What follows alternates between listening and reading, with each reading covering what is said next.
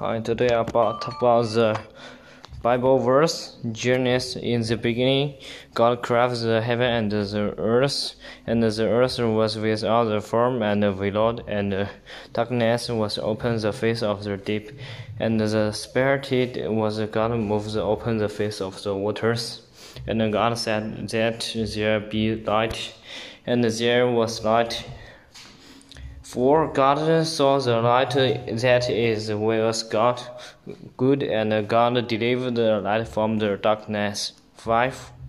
And God called the light day, and the darkness he called the night.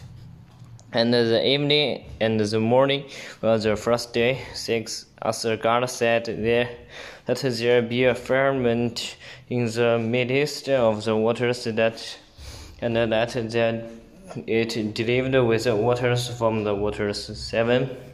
And God made the firmament and delivered the waters which were under the firmament was the water which were above the firmament, and it was was was so. 8. And God caused the fair firmament heaven, and, and the evening and the morning were the second day. 9. And God said, Let the water under the heaven be greatly together unto the one place, and let the dry then appear, and uh, it is was known. 10.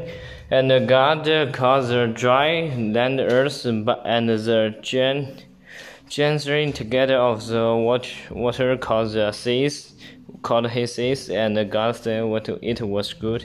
Evening evening, and uh, God said that the earth bring forth gets the herb wide landing seed, and the fruit tree yielding fruit after his kind was seed in itself upon the earth, and it was so. Twelve. And the earth brought forth grass, and herb seed after his kind, and the tree yield food whose seed was in itself after his kind, and God saw it was good, and the evening was the morning, or the third day.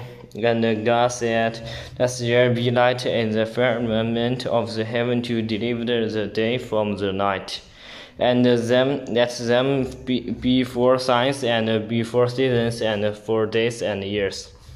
Five day, 15 and let them be for lights in the firmament of the heaven to give light upon the earth, and it was go. 16 And God made the two great lights.